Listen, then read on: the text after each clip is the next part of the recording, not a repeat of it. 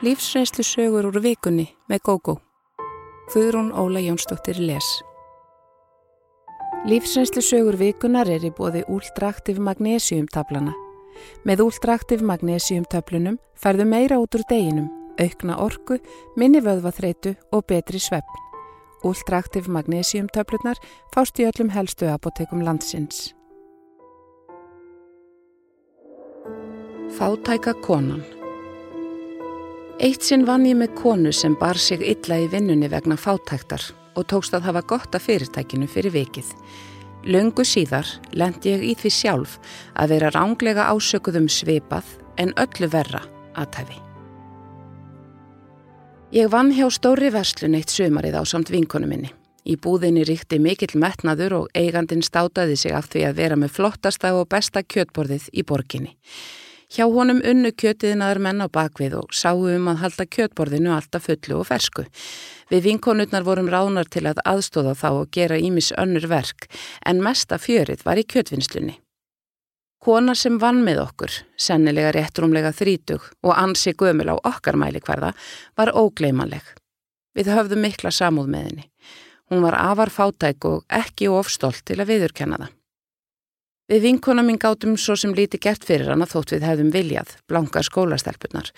Aftur á móti síndi eigandi búðarinnar kjörum hennar mikinn skilning og bæði veitti henni háan afslátt af örum veslunarinnar og gaf henni að auki afganga úr kjötvinnslunni. Sennilega náðu hún og fjölskylda hennar að borða alveg frítt miða við það að hún tók alltaf matarpakka með sér heim úr kjötvinnslunni og enn stærri fyrir helgar. Hún átti tvö börn og eiginmann sem hún hafði sagt vera heilsuveilan. Ég og vinkona mín fengum líka afslátt hjá fyrirtækinu eins og aðri starfsmennan engin agnúaðist út í þetta. Við vildum öll að blessu konan fengi þá aðstóð sem hún ætti skilið. Ég man að hún bar sig ætið illa, var með sorgar svip á andlitinu og henni var alltaf svo kallt. Já, ég vorkend henni rosalega mikið. Við vinkonurnar vissum að hún ætti heima í fellakverfinu í Breitholti og ákváðum eitt lögadaginn að skell okkur í heimsók til hennar. Hún hafði einu sinni eða tviðsvar bóðið okkur að koma í kaffi. Á þessum tíma var frekar erfitt að gera bóða undan sér og flestir mættu bara óvænt í heimsók til annara. Ef hún hefði ekki verið heima hefði það verið í fínasta lægi. Við fengum bílferð út úr því en þarna var ég komin á minn fyrsta bíl, hafði orðið 17 ára um vorið og þótti óurlega gaman að keira. Konan reyndist vera heima og tók okkur fagnandi. Ég man enn undrun mína yfir því hvað íbúðin hennar var glæsileg. Það var allt afa ríkmannlegt þarna, kannski ögn ofhlaðið. Ég man einna best eftir ofbóðslega flottum, þykkum og gólfsýðum gardínum sem hefðu frekar á teima í höll en venjulegri blokkarýbúð. Hér bjóð sannlega ekki fátækt fólk. Konan fór beintin í eldús til að hella upp á kaffi og bauð okkur sæti í stofinni og meðan. Við horðumst í augu vinkonurnar, báðar jafn undrandi, en sögðum fátt. Maðurinn hennar kom fram og heilsað okkur. Hann var hraustlegur og leiti ekki út fyrir að vera sjúklingur eins og kona hans hafði gefið í skinn, en fólk beru auðvita veikindi sín ekki alltaf utan á sér. Þó held ég að hann hafi verið í fullri vinnu. Launin í vestluninni voru ekki það há og þrátt fyrir að geta nánast borðað ókipis hefur þurft tvo til við að skapa sér svona glæsilegt eimili. Við rósiðum því hástert eftir að samstarfskonu okkar kom með kaffið og meðlætið og hún tók því með þakklæti. Það var eins og hún gerði sér enga grein fyrir því að hún hafi verið afhjúpuð. Hvernig gæti hún vælt um bá kjör? Hvar var stoltið? Það var nákvæmlega ekkert sem bendi til skorts. Við hittum börnin hennar sem báru heldur engin merki um fátækt. Þau voru flott klætt og hraustleg. Hún síndi okkur stolt alla íbúðina og mátti sannlega vera reikin af henni. Sumir hafa lag á því að hafa flott heima hjá sér án þess að það kosti mikið en ekki í þessu tilfelli. Hún taldi upp hvar sum húsgögnin hafði verið keift og að þau hefði verið dýr. Ef hún ætlaði að halda áfram að leika litlu stúlkurna með elspíturnar við okkur í vinnunni var ótrúlega heimskulegt af henni að láta sér koma til hugar að bjóða okkur heim. Við sögðum svo sem engum í vinnunni frá þessu við vissum að það myndi bara særa góðhjartaðan eigandan. Ekki löngu setna hætti þessi kona störfum og fekk vinnu nær heimili sínu. Það er vikur sem hún átti eftir helt hún áfram að leika fátæku konuna og þykja allan þann afslátt og góðvilt sem hún gatt fengið. Tímin leið. Ég giftist og eignaðist þrjú börn en skildi eftir um tíu ár þegar það yngsta var á öðru árinu. Við höfðum búið í heimabæ míns fyrverandi og mér langaði ekki að flytja þaðan eftir skilnaðin, svo vel kunni ég við mig. Ég fekk vinnu á sjúkrahúsinu og deilt þar sem aðalega aldrað fólk dvaldi. Mér fannst þetta einstaklega gefandi og góð vinna, en ekki vel borguð. Fadir batnana hafði flutt til borgarinnar. Hann stóð skil á sínu meðlægi en ekki meira en það, en það var hann í námi og ekki aflögufær. Ég var oft blöngan, þetta bjargaðist alltaf allt saman einhvern veginn. Eftir nokkra mánuði í starfi á sjúkrahúsinu var ég í gönguferð með yngsta batnið og mætti konu sem ég þekkti ekki mikið en líkaði vel við. Hún var svo jákvæð og skemmtileg og alltaf gaman að vera í kringum hana. Ég heilsaði henni gladlega en fekk skrítin hnuss á móti. Er ekki allt í lægi? spurði ég hissa. Allt í lægi? Nei, Mér finnst þú lúalegi meira lægi, svaraði hún og fór að tala um óheðarleika minn, að ég spilaði mig blá fátaka til að ég geti haft eitthvað út úr gamla fólkinu á spítalanum. Hún nefndi sérstaklega önnugömlu sem var í miklu uppóhaldi hjá mér og skild börnunu mínum. Ég trúði ekki mínum eigin eirum. Jú, ég var eflust fátak með að við markaðarn á staðnum en átti alltaf nót til að fæða og klæða mig og börnin og gæt meira að segja reiki bíl. En áðurinn ég gæt spurt nánar út í þetta rauk konan í burtu. Þar sem eftir var dagsins var í miður mín en ákvað svo að ringja í samstarfskonu mína og fá ráð hjá henni. Mér fannst skelvilegt til þess að hugsaði fólkið í bænum hjaldi eitthvað svona ljóttu mig. Jú, samstarfskonan hafði heyrt þetta og bara hleyða því. Hún hafði sagt viðkomandi að hún væri ofta á vakt með mér og hefði aldrei séð mig reyna að hafa fí af einum eðan einum. Smám saman kom í ljós hvernig þetta fór alltaf stað. Anna gamla hafði spurt annað starfsfólk um mig eftir að ég fór að vinna þarna og fengið að vita að þessi nýja væri fráskilin og byggi ein með þrjú börn. Að auki að börnin mín væri smávegi skildenni sem henni fannst nú ekki amalegt. Hún fór að spjalla meira við mig en áður og við urðum hinnir mestum átar. Hún var einstæðingur og hafði allatíð unnið erfiðis vinnu sem fór illa með heilsu hennars. Anna talaði svo litið um aðstæður mínar að það hlýta að vera erfitt að komast af ein með þrjú börn en ég reyndi bara að eigða því tali. Tvísvarsinnum hafði hún laumað einhverju að mér sem ég átti að færa börnunum. Ég gati ekki afþakkað, hún hefði orðið svo sár. Önnur gjöfin var gammal og lúin konfektkassi, fullur af gömlum póskortum. Hinn gjöfin var eitthvað álíka. Ekki grunaði mig að hún gerði þetta til að styðja mig í fátektinni svo ég geti gefið börnunum eitthvað fallegt eins og þessi póskort. Hún vildi gefa þeim eitthvað sem var verðmætt í hennar huga. Ekki löngu setna saði ég henni til að hún hætti að gefa börnum mínum eitthvað sem þau vildu alls ekki að það væri stránglega bannað að þykja nokkuð af sjúklingunum. Ég gæti mist vinnuna ef ég gerði það. Ég man að ég var að vandraðast með kassan og póskortin í búningsherbyrginu og sagði einhverjum að Anna hefði endilega viljað að börnin mín fengju kortin en ég vissi ekki hvað ég ætti að gera við þessa gjöf. Oft þarf ekki meira til að sögurnar fara af stað og versni eftir því sem fleiri segja þær. Ég ringdi meira að segja í minn fyrfirandi til að láta hann vita af þessu svo hann geti leiðir eftir fólki að hans færi að ræði þetta við hann. Ég vissi að það myndi ekki spyrja mig beint. Löngu setna fekk ég eins konar afsökunarbeginni frá konunni sem hvæsti á mig og bar mig röngum sökum. Ég tók viðinni en hef aldrei geta litið þessa konur réttu auga síðan. Meðan á þessu stóð var mér stundum hugsa til gömlu samstarfskonunar í kjötvinnslunni sem hafði leikið sig fátaka til að hafa gott af öðrum. Aldrei hefði mér dottið í hugað einhver heldi eitthvað slíkt um mig, en það ekkert fjær mér. Ég lærði þarna þá dýrmætu leksíu að gleipa aldrei neitt hrátt sem ég heyrði og taka ekki kæftasögum sem heilugum sannleika. Það hefur nokkrum sinnum komið í vekk fyrir miskilning og jafnvel vandræði. Það er alltaf gott að trúa mátulega því sem aður bæði les og heyrir og kanna sannleikskildið. Skelvilegur stjúpi Ég var að verða fimm ára þegar móður mín fór að búa með manni. Frá upphafi var honum illa við mig og síndi það á allan hátt. Hann hefur ekki bara eðilagt samband mitt við mömmu, heldur líka við föður minn. Við mamma vorum bara tvær einar í nokkur ár en hún og pappi höfðu skilið þegar ég var tveggjára. Eftir að við fluttum til Lárusar í fína húsið hans breytist líf mitt smám saman í helviti. Kvíðin sem var fylginautur minn árum saman gerði þarna fyrst vart við sig. Mamma var eins og lítil hrætt mús, hlíti Lárusi í einu og öllu og þorði ekki að verja mig fyrir ósangjötnum skömmum hans og refsingum. Hann virtist hafa verið afbríðið samir út í fyrra líf mömmu. Ég líktist mömmu ekki útlitið þannig að tilvist mín myndi hann daglega á að mamma hafi átt annan mann áður en þau kynntust. Það er líklegasta skýringin því hann passaði svo vel upp á að mamma ætti sér ekkert líf utan heimilisins og honum tókst að einangra hanna alveg í fína gullbúrinu. Mamma var ofrætt við hann til að stelast til að hafa samband við gamlar vinkonur. Hún ringdi þó annars slægiði af á ömmu fyrir vestan og meðan þau livðu en var þó kvorki sérlega náinn þeim, nýja sískinum sínum.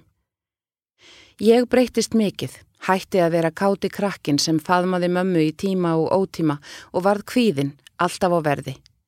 Ég var ekki ólíðið barn en hafði sterkari ætlætiskend.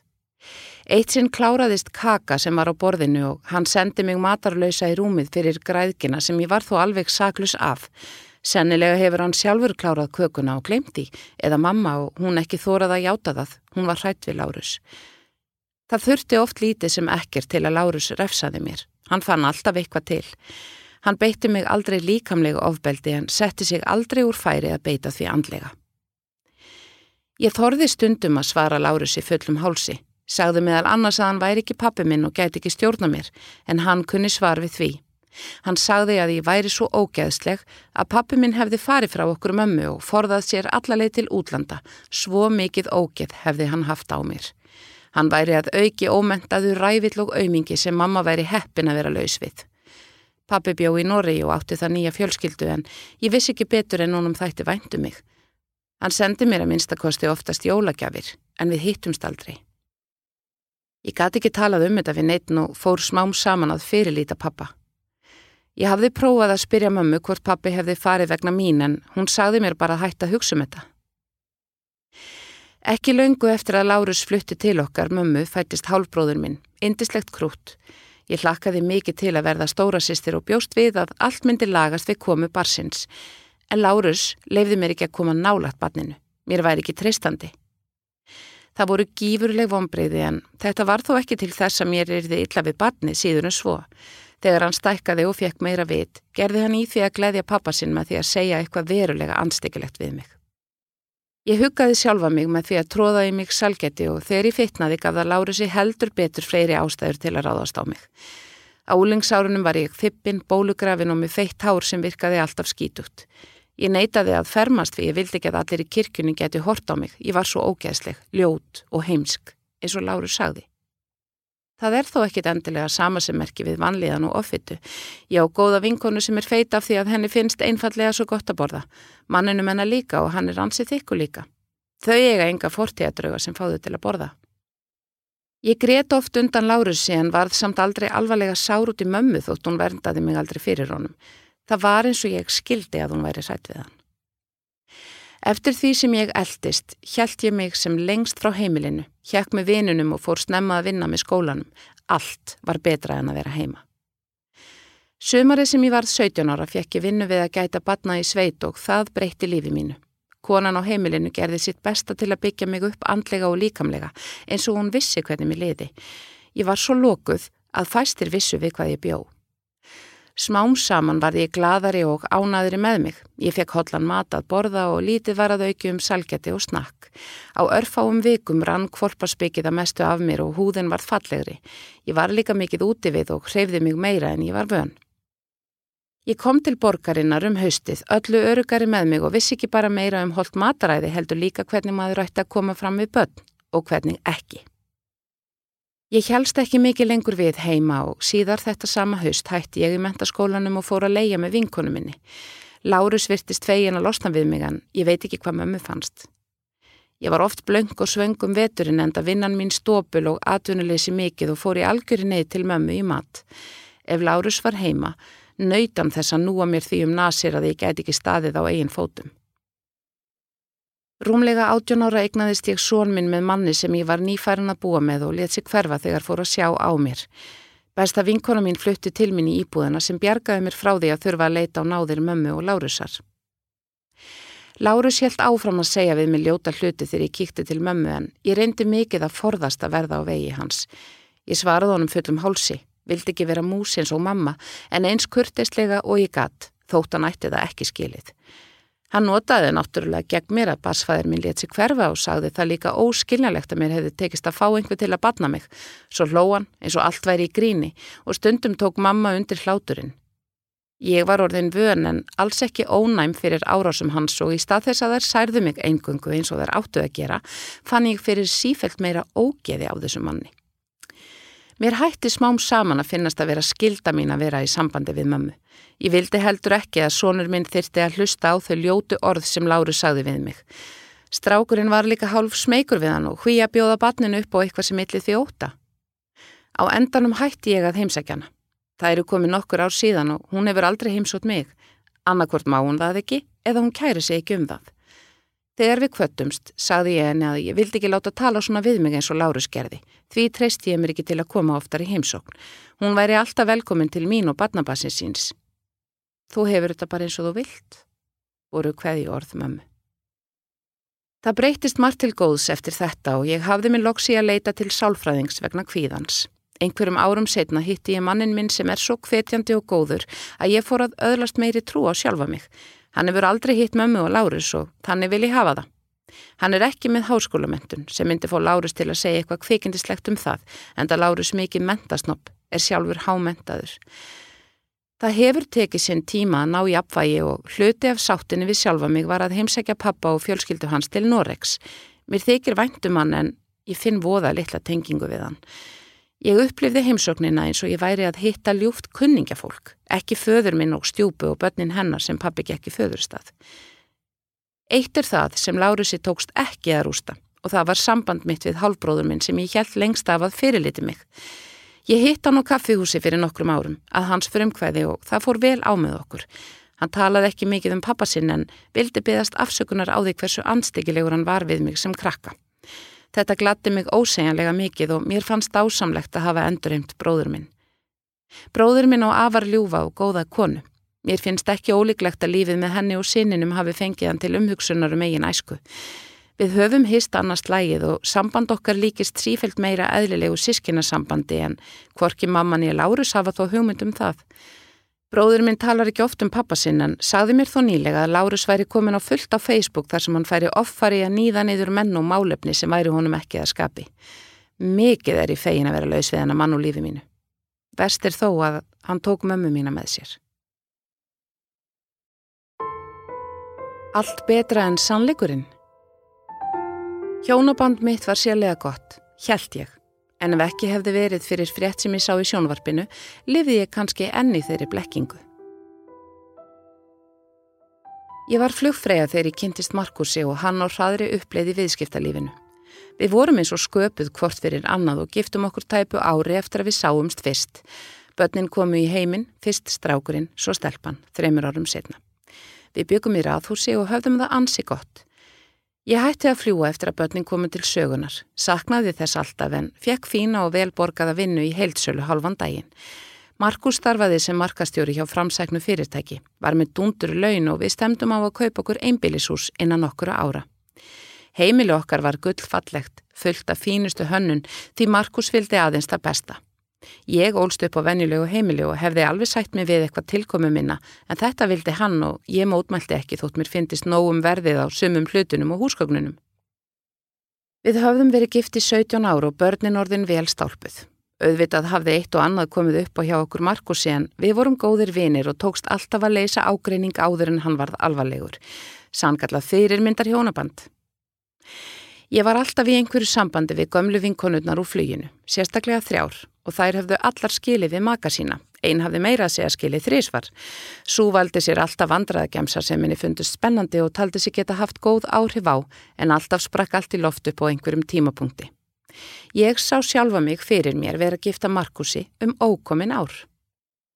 Eitt lögutaskvöldið var ég ein heima og ákvaða njótaðis. Það kom ekki svo oft fyrir. Markus var erlendis á fundi yfir helgina eins og hann þurfti að vera reglulega og börnin gistu hjá vinum sínum. Ég fekk mér eitthvað gott að borða og settist svo með kvítvinsglas fyrir fram á sjónvarpi til að horfa á frettinnar. Þegar frettum eitthvað sem tengdist flugi kom, spert ég eirun, saknaði allt af gömlu vinnunar sem flugfreyja og nýlegar myndir frá leifstöð sást á skjánum. Skyndilega sá ég kunnulegan mann, bæði baksveip og á hlið þar sem hann var að tala og hlæja. Þetta var Markus og fréttamindirnar greinilega teknar deginum áður, rétt áður en hann fór úr landi. Vélinn var nógu lengi á honum til að ég áttaði mig á því að hann var ekki einn á ferð.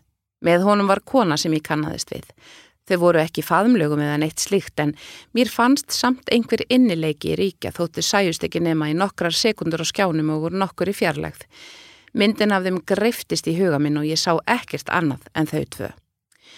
Ég hafði stundum hugsað um þessa fundi Markusa sem haldnir voru erlendis nokkrum sinnum á ári á um það byrj tvekja mánuða fresti. Svona fundi hefði verið ódýrar að haldi gegnum Skype eða bara síma og ég hafði minnst á það við Markus. Hann sagði að það var ekki það sama. Þetta væri að auki miklu skemmtilegra, nánast eins og kaupauki. Svo blikkaði hann mig og myndi mig á snirtiförurnar og fleira sem hann færði mér úr fríhjöfninni eftir hverja ferð. Honum tókst svo sem að sannfæri mig en ef ég væri við stjórn í fyrirtækjunars myndi ég taka fyrir svona ferðir, allavega fækkaði mikið. Ég hafði nokkrum sinnum spurt hvort ég gæti ekki komið með en það saði Markus ekki verið hægt. Bæði væri hann afar önnum kafinn og að auki myndi vera mín bara trubla einbyttingu hans. Hann erði með eilift samviskubiti við því að vera ekki með mér. Ég hafði svo sem Markoft ferðast til þessara borga sem flugfreyja og við Markus vorum að auki nokkuð duglega að ferðast. Þessi helgi var erfið, ekki síst eftir að börnin komu heim en ég varða að halda haus þeirra vegna. Ekki var von á Markusi fyrir en setnipart mánudags sem betur fyrr. Konan sem hann var með á fljóvellinum vann sem vestlunarstjóri í fítni vestlun sem ég kom stundum í. Maðurinn hennar hafði eitt sinn unnið með Markusi og þau hjónin seti við sama borð og við á ársáttíð mörgum árum áður svo ég vissi vel hverðu voru. Ég sveiplaðist á milli vonar og óta. Kanski hafði Markus bara hitt konun á fljóvellinum og hún jafnvel verið aðna á ferð með manni sínum. Það væri kannski sniðugt að ringja heim til þeirra. Ef maðurinn svaraði geti ég spurt hann út í ferðir konu hans og fengið þetta reynd. Nei, Líklega var best að vita ekkert. Spyrja bara Markus þegar hann kemur heim. Eða hvað? Á endanum ákvað ég að ringja. Um leið og maðurinn svaraði fjekk ég að vita vissu mína, eða næstum því. Ég kynnti mig og saðist vera með þurðulegt erindi og spurðan hvort konarnas væri í útlöndum núna. Jú, hún væri í inköpaferð fyrir búðina, saðan. Þegar ég spurði hvort hún færi oft í slíkar ferðir fór maðurinn hennar í vörn og vildi ekki segja mér meira nefn hann fengi að vita ástæðuna. Ég saði sem var að ég hefði séðan í frettunum í gær þar sem hún satt á spjalli við mannin minn. Ég væri sættum að eitthvað væri á millið þeirra. Símtóli nánast hrímaði þegar maðurinn bað mig vinsamlegast um að blanda konu hans ekki inn í mína hugaróra. Ekki ringa í mig aftur, saðan og skellti á. Ég hefði sennilega bröðist eins við hefði hann ringti mig með sama erindi. Dægin eftir, á mánudeginum, fór ég ekki vinnuna hafði ringt mig en veika, enda ekki vinnufær með þessa óvissu hangandi yfir mér. Eftir hádegi ringdi símin og það var maðurinn sem hafði skellt á mig kvöldinu áður. Hann baði mig afsökunar á því, saðist það var brauðið mikið við símtal mitt. Við töluðum lengi saman og bárum saman bækur okkar nokkra mánuði aftur í tíman. Jú, makar okkar höfðu síðustu mánuði farið utan sömu helgarnar og til sömu landa. Maðurinn sagðist hafa haft sínar grunnsemdir en ekki viljað opna á þetta. Fannst það of erfitt því hann hafði ekkert haldbært nema óveinu tíðar innkaupaferðir konu sinnar. Hann hafi kosið að loka augunum fyrir þessu en innst inni gerðan sér grein fyrir því að hann livði í sjálfsblekkingu. Þetta átti líka við mig. Ég vildi ekki horfast í augu við þetta og hafði reynd að þakka niður Evan sem gauðs annarslægið upp. Markus hafði breyst og innileikin á milli okkar mingað en allt var betra en sannleikurinn. Til að gera langa sögu stutta urðu tveir hjónaskilnaðir í kjölfarið. Ég hefði sennilega fyrirgefið honum eitt skipti fyllir í eitthvað slíkt en tveggja ára framhjáhald fannst mér ógeðslegt. Reyðin og sorgin höfðu fengið nokkra útrás eftir samtali við mannin svo ég var farin að hugsa skýrar þegar Markus kom heim. Hann reyndi ekki að ljúa mér eða afsaka sig. Hann gisti á hóteli um nóttina. Þeim tveimur hafði tekist vel að halda sambandinu leindu. Auðvitað vissi Markus að ég ætti fjölda vina og kunningja í fluginu og hefði frétti mann leti vel að annari konu í flugvél. Kanski sátu þau ekki eins og saman í vélinni, ég veit það ekki og í raun langar mig ekki að vita það. Þetta skiptir ekki máli. Í dag er kannski ekki allt alveg fallið í ljúfa löð en við reynum okkar besta til að svo verði, batnan okkar vegna. Ég ætla heldur ekki að eigða æfinni að vera beisk og reið. Það bitnar vest á sjálfur mér. Markus og konan tóku ekki saman eftir skilnaðina. Sennilega var það ástriða og spenna sem hjælt þeim saman en ekki djúpar tilfinningar. Markus byr einni í flottri íbúði miðborginni, umkringdur fallegu húsgögnunum sem áður brítuð sameigilegt heimili okkar.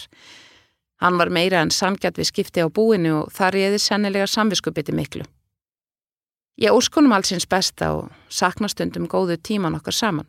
Hann er góður fadir og er í miklu og góður sambandi við börnin okkar. Markus er ekki slæmur maður, en hann er maður sem tók slæmar ákvarðanir. Samþykki ömmu Þegar ég kynnti ungan mann fyrir ömmu, beði ég spennt eftir samþykki hennar, en fjekk það ekki, þótt ég vissi að henni líkaði ágætlega við hann. Amma var eins konar vieffrétti í fjölskyldunni og mér fannst álit hennar skipta öllu máli. Móðuramma mín sá lengra en ef hennar náði, eins og pabbi líst henni og við í fjölskyldunni tókum engar mikilvægar ákvarðanir án þess að ráðfæra okkur við hana. Hún var næm og bjó yfir mikilli mannþekkingu og var að auki bæði stór gáfuð og eitur snjöll. Hún hefði orðið flott rannsóknalöruglukona en ekki gekk hún mentavegin, fekk hvorki tækifærin í kvartningu til þess en virtist þó ekki síta það. Þótt hún hafi alltaf þrætt fyrir að búa yfir dullrænum hæfileikum, las hún nú samt stundum í botla fyrir vinkonu sínar og þótti góð. Hún neytaði að spá fyrir okkur ættingunum sem mér fannst graut fúlt, ekki síst á úlingsárunum. Eitt sumarið, þegar mamma var krakki og afi var óvinnu færum tíma vegna slis, hafði hún unnið fyrir fjölskyldunni með því að spá fyrir fólki. Hún þótti jákvæð og uppbyggjandi í spátumum sínum sem orsakaði án Eva vinsældir hennar. Hún stappaði stálinu í konurnar og sagði þær sterkar og að þær kæmust í gegnum hverja raun. Akkurat það sem þær þurftu að heyra. Mamma var um tíma spennt fyrir spátumum og kíkti einu sinni í botla fyrir unga nágrannakonu sem hafði mikla trú á spátumshæfileikum hennar, fyrst hún ætti mömmu sem spáði. Mamma let tilleiðast, fór að tala um bíl og voðalega mikla ást, kannski er hún ástfangin af bílstjóra, maðurinn sem hún hitti ætti allavega bíl. Unga konan hló og hafði gaman af en ekki svo löngu setna kynntist hún manni sem stoppaði út í þjóðvegi til að hjálpini að skipta um sprungi dekk á bíl hennar. Sá var það eigin maður hennar og starfaði sem bílstjóri. Mamma varð hálf hrætt við að spá eftir þetta og var löngu hætt slíku þegar ég komst til vits og ára.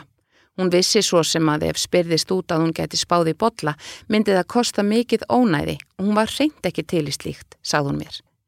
Auðvitað reyndi ég að spá en sá bara kaffislettur í botlanum sem ég gæti ekkert lesið úr. Samt hafði ég eftir ömmu að til dæmis fuggli botla táknaði fréttir, hattur stæði fyrir nýja vinnu og svo framvegis. En ég hafði þetta ekki í mér, því miður, vinkonu mínum til mikill af ombreyða. Ég var tæplega 19 ára þegar ég fór að vera með boga. Hann var fjórum árum eldri en ég, svo rólegur og traustur og ólíkur öllum strákum sem ég hafði kynst. Ég sá framtíðana fyrir mér í rósröðum bjarma. Við myndum eldast saman, eignast þrjú börn, búa í fallegu húsi. Ég færi síðan að vinna þegar yngsta barni byrjaði í skóla. Eins og bói lísti þessu. Draumar hans urðu mínir draumar og við letum okkur fátum finnast út vinir okkar strítu okkur og segðu að við værum fætt miðaldra. Amma spurði mig hvort ég heldi að lífið sem ég planaði er því skemmtilegt. Já, öruglega, svaraði ég. Ert ekki allt og mikil skvetta til að setjast svona ungi helgan stein, spurði hún þá gletnislega. Ég held nú ekki. Svona væri lífið og fólk væri ólíkt. Við bói væru meira fyrir rólegheit og öryggi. Amma talaði aldrei um að bói væri rángur maður fyrir mig. Hún sagði hann væri voða eindæl, en ég vonaðist alltaf til að hún segði að hann væri svo rétti. Ég veit eiginlega ekki af hverju ég beita svona í mig.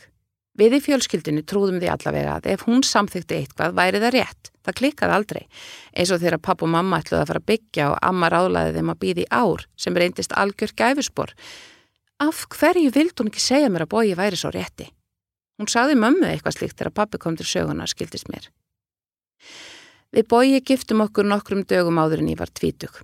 Amma var hrókur alls fagnaðar í veislunni og ég ákvæmi sjálfur mér að þannig væri hún að samþykja hann inn í fjölskylduna. Hjónabandi var gott, fyrstu árin. Áallanirnar sem við höfðum gert stóðust fæstar og framtíðadraumarnir færðust bara fjær en við vorum ung og ástfangin og gátum alveg beðið.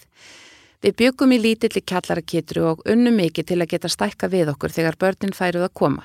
Ekkert bólaði þó að þeim og ég fann með tímanum að það pyrraði boga meira en mig. Ég fór í einhverja rannsóknir en allt var í lægi samkvæm þeim og svo reyndist líka vera með boga. Með tímanum breytist margt. Mér langaði til að menta mig svo ég fengi betri og skemmtilegri vinnu. Ég var ekki sátt við lálunastörfin sem er buðust og sama má segja um boga nema laun hans voru herri og hann fikk meiri eftirvinnu að auki.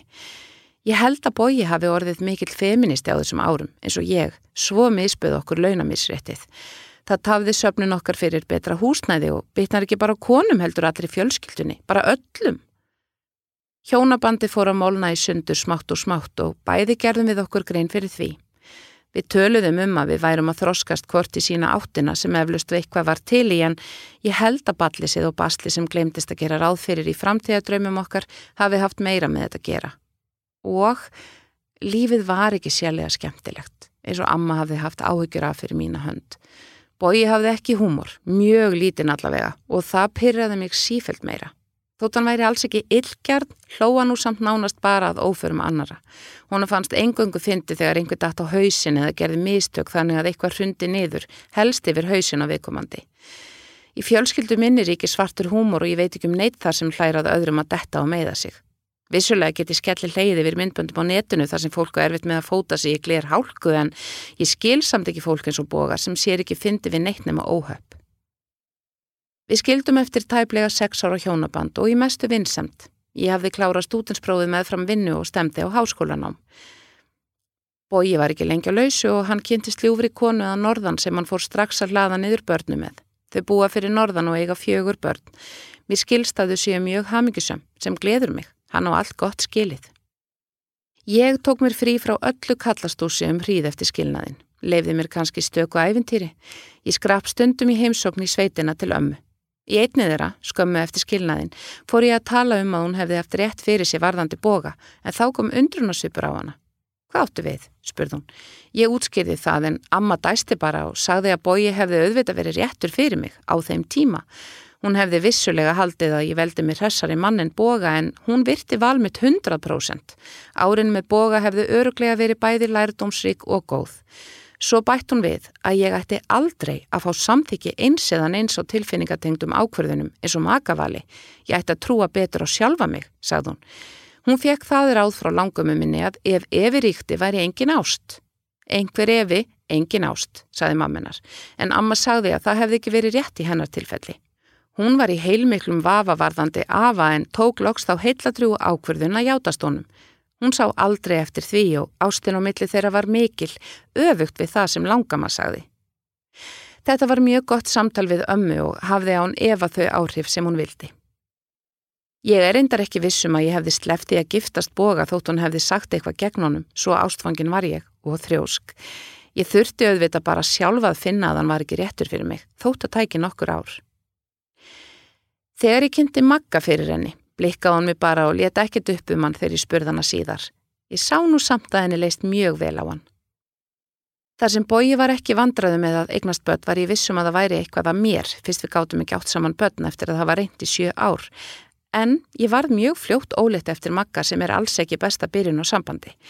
Ég ákvað strax að ég ætlaði að halda barninu, litla kraftaverkinu eins og mér fannst að vera. Þetta hafði ekki neikvað áhrif á samband okkar makka Við byggum saman í tvö árin, letum pússa okkur saman skömmu eftir að annað barn, dóttir okkar, kom í heiminn. Furðulegt að okkur boga tókst ekki að eignast saman barn, eins og við þráðum það mikið. Vinkona mín, sem er svona wannabe sálfræðingur, segir að einstinni hafi ég ekki viljað eignast barn með honum. Hann hafi aldrei verið sá rétti og undir meðvitundin hafi vitað það. En hvað um það? Maggi hefur sama húmor og ég og við getum hleyið okkur í gegnum alla erfileika. Ég því núna að svipaður húmor sé nokkuð nöðsynlegur í hjónaböndum. Yngri dóttir mín heitir eftir ömmu sem lést skömmu áður en nafna hennar kom í heiminn. Þótt amma hefði svarið af sér alla dulrana hæfileika, sagðun mér í bæði skiptin að ég gengi með stelpu, en ég ætti eftir að eignast strák setna sem kom á daginn. Hún vissi þó ekki að stelpan fengi nafn hennar, en það var það ákveðið á síðustu stundu, en ég er vissum að það hefði glatt hana mikið. Lærdómsrík viðnáta Eitt sinn átti ég vinkonu sem ég umgegst talsvert mikið. Hún hafði mikla þörf fyrir að sína yfirburði sína á flestum sviðum sem var í lægi mín vegna því ég hafði yfirleitt bara gaman að þessu. En óvænt eigðilagði þessi þörf hennar þó viðnáttu okkar. Mér stóð svo lítill stuggur af hönnu fyrst eftir að við kynntumst í gegnum sameigilega kunningakonu því hún virtist ekki svo vingjallegasta en einhverja hluta vegna urðum við ágætis vinkonur og mér fannst hún skemmtileg. Við nánari kynni áttaði ég mig á því að hún hafði djúpa þörf fyrir að vera betri en aðrir, gaf dýrar í gafir þótt hún hefði gendilega efni á því. Hún bakaði flottar í kökur, kunni allt, gatalt og vissi allt betur en flestir. Önnur hver setninganar hófst á sko, málið er. Fólk sem lætur svona er oft með minnumáttarkend sem brýst svona út en ég tók henni bara eins og hún var. Hún var nefnilega alls ekki leiðinleg þótt hún væri stundum ansi neikvæð. Hanna hafði þann ávana að horfa stein þegjandi og svo litið hæðnislega á aðra, aðalega ókunnuga, sem gatt komið hinnu rólegasta fólki úr jafnvægi. Karlmönnum fannst hún áhugaverðari en ella vegna þessa og hún lendi nokkrum sinnum og sjans bara út af þessu. Þegar hún sagði mér eitthvað sem að hennar mati var hitt eina rétta svaraði ég einfallega, jáu það, frekar en að mótmæla þótt ég væri ekki sammála. Það gætt kosta langar einræður og mér fannst lífið of stutt í slík leiðindi. Ég hafði enga þörf fyrir að sannfæra um mína skoðanir en hún gæti ekki hægt fyrir hún hafði gert sitt besta til að sannfæra aðra um sinn málstað. Auðvita fór hún stundum í taugadan á mér en yfirleitt fannst mér hún bara fín. Ég átti marga vini á þessum tíma og fannst þér hver öðrum skemmtilegri. Árlega hjælt ég líti bóð á Þorlagsmessu eða síðasta laugadag fyrir jól. Ég bjó nánast við laugaveginn svo það var í leiðinni að koma fyrir eða eftir innkaupin og gæða sér á snittum og smáréttum, heitu súkulaði eða kaffi. Vinir mínir og ættingjar sem byggu í bænum, nánasta fólkið mitt, kíkti inn og fekk sér hersingu. Ég fóra að bjóða hönnu eftir að við kynntumst. Ég gæti aðfendi jólagjafinnar og fólkið mitt komið gjöfum til mín. Án þess að hafa endilega ætlað að taka upp jólagjafaskipti við hönnu fannst mér ótækt að hún væri eini gesturinn sem ekki fengi gjöf frá mér, svo ég keipti lítinn konfektkassa handinni. Hún var hissa þegar ég afhendinni pakkan, tók við honum og brosti en mætti svo setna um kvöldi með sérlega glæsilega pakka handa mér. Pakkin innihjælt að rándýra merkjavöru sem ég hefði aldrei tímt að kaupa mér. Það var ekki nokkur leið fyrir mig að kaupa álíka gjöf handa henni en ég held að hún hafi viljað hafa þetta svona. Hún var sátt við sitt konfekt frá mér og meðan hún gaf mér eitthvað rándýrt. Sískinennar og sískinaböld, vinir og kærastinn þá stundina fengu eitthvað voða dýrt og fint frá henni líka. Þegar Hanna kom í heimsókn þurfti hún stundum að pústa, segja mér frá ósangirni sem hún mátti þóla, bæði frá fjölskyldu og öðrum vinkonum, hvað hún hafði fórnað sér, gert mikið fyrir viðkomandi án þess að fá þakkir fyrir. Af hverju ertu þá aðursu, spurði ég kannski. Það er senlega gert ráð fyrir að ég baki og komi með ammalistertun á hverju ári. Ég get ekki sveiki badnið, var kannski svarið. Hún saði alltaf já þegar hún var beðin. Fannst öruglega gott að vera ómissandi, en sárt að fólk leita á greiðasemi hennar sem sjálfsagðan hlut. Hún var ofbóslega góði að baka og við hvert tilipni var nánast ætlast til þess að hún kæmi með glæsilega tertu og helst að hún toppaði sig í hvert sinn. Hún byrjaði sjálf áður sem mörgum árum áður og komi köku í stað gjafar við mikla lukku ammaliðsbarsins og gesta. Henni fannst gaman að koma fólki á óvart með þessu og sló í gegn hjá flestum en ekki mér. Hún mætti í þrítusamali mitt með afarflotta þrjáttímanna tertu sem þýtti að ég satt uppi með mikla afganga. Ef ég hefði vitað af þessu hefði ég keift minna. Ég myndi allavega að spyrja ammaliðsbarnið áður en ég gerði svona. Það er bara kurtisi. Ég held að fólki hennar hönnu hafi ekki kunnað að meta hana almennilega en ég skildi samt aldrei af hverju hún laði sér svona mikið fram um að gera eitthvað fyrir þetta fólk sem að hennasögn þakkaði kvorki fyrir sig en ég gerði eitthvað fyrir hann á móti. Ég reyndi þó en ef ég ætlaði að gera eitthvað fyrir hönnu í staða allra greiðana sem hún gerði mér, hvort sem ég bað um þá eða ekki, reyndi hún að tala það niður. Gott dæmi um það eru tónleikar sem ég bauði ná með uppáhald sljómsettenar sem hafði aldrei áður spilað á Íslandi. Ég þurfti í fyrsta lægi að ljúa því aðinni að ég hefði fengið miðan að gefins í gegnum vinkonu mína sem hefði fengið á gefins en ekki komist. Annars hefði hún sennilega ekki þegið bóðið. Hún var nefnilega súr sem gaf. Við komum okkur fyrir nálagt sviðinu í laugadalshöll og í lók tónleikana spurði ég hana hvernig henni hefði líkað. Jújú, ok, en þeir voru nú samt betri í London fyrir tveimur árum. Þetta var það eina sem hún hafði um tónleikana að segja. Sennilega fannst henni hún ekki þurfa að þakka mér fyrst ég fekk miðana, gefins. Ég bauði henni ekki til að fá þakklæti, meira til að jafna metin á einhvern hátt. Kanski reyndi þetta fleiri en án árangurs. Kanski kvarta hún við aðrar vinkonur yfir vandaklæti mínu. Ég fæ sennilega aldrei að vita það. Ef ég spurð hana álits á einhverju, hvernig henni fyndist nýji sófinn minn, indveski rétturinn sem ég varði heilum degi að elda og allt þar á milli, gatt hún aldrei veitt rós. Hún þagði óþægilega eða þekkti einhvern sem átti flottari sófa eða gerði betri indveskan.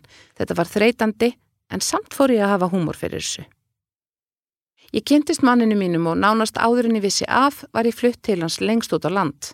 Hanna var ekki glöð fyrir mína hönd eins og allir mínir vinir en sagði það þó ekki berum orðum heldur með þögn og augnaráði. Nýja heimilið var dásamlegt og ekki skemmti útsýnið fyrir, fögur fjallasín og hafið. Eftir að hafa haft hús og bílaumferð sem útsýni nánast alla mína æfi fannst mér þetta stórfenglegt. Hanna heimsóti mig nokkrum vikum eftir að ég flutti. Hún vildi ekki gista heldur ætlaði hún að keira 100 km til viðbótar til að gista hjá frængu sinni. Hanna gisti ekki hjá hverjum sem er, það hafði hún sagt mér fyrir löngu. Ég gerði þau mistök í lok heimsóknarinnar að spyrja hana hvernig henni litist á útsinni mitt. Hún gæti valla gert lítið úr því. Hanna gerði það kannski ekki en svaraði mér ekki beint, heldur fóru að lofa útsinni annar staður á landinu, fyrir austan, það sem fadir hennar er ættaður. Fjölskylda hennar á sömarbústaði í gamla æskuheimili hans. Vissulega mjög fallegt útsinni þar, ég hef sér myndir. Ég man ekki alveg hvernig hún orðaði þetta en ég misti stjórna mér og sprakkur hlátri. Hanna starði á mig og vildi endilega vita hvað væri svona fyndið. Þegar ég lóksinska tætt að hlæja sagði ég, af hverju getur ekki bara sagt að útsinni mitt sé flott? Ég lofa að ofmetnast ekki. Hanna starði á mig og sagði ekkert um hríð. Við fengum okkur kaffi og spjöldluðum aðeins og svo dreif hún sig. Ég hef ekki síðan hana síðan. Ætli ég haf ekki ringt svona fimm sinnum í hana og þótt hún sé ekki leiðileg við mig finn ég að hún er ekki lengur vinkona mín.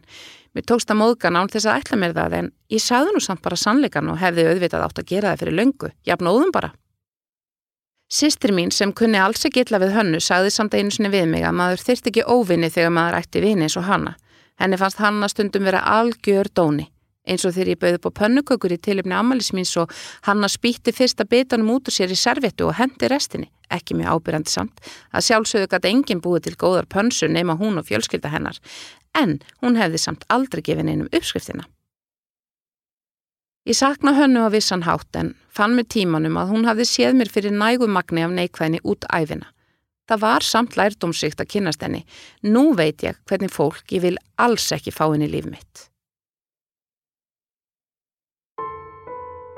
Þú varst að hlusta á lífsreynslusögur úr vikunni með GóGó í lestri Guðrúnar Óli Jónsdóttur og framleiðslu Storysight árið 2020. Höfundaréttur Vikan.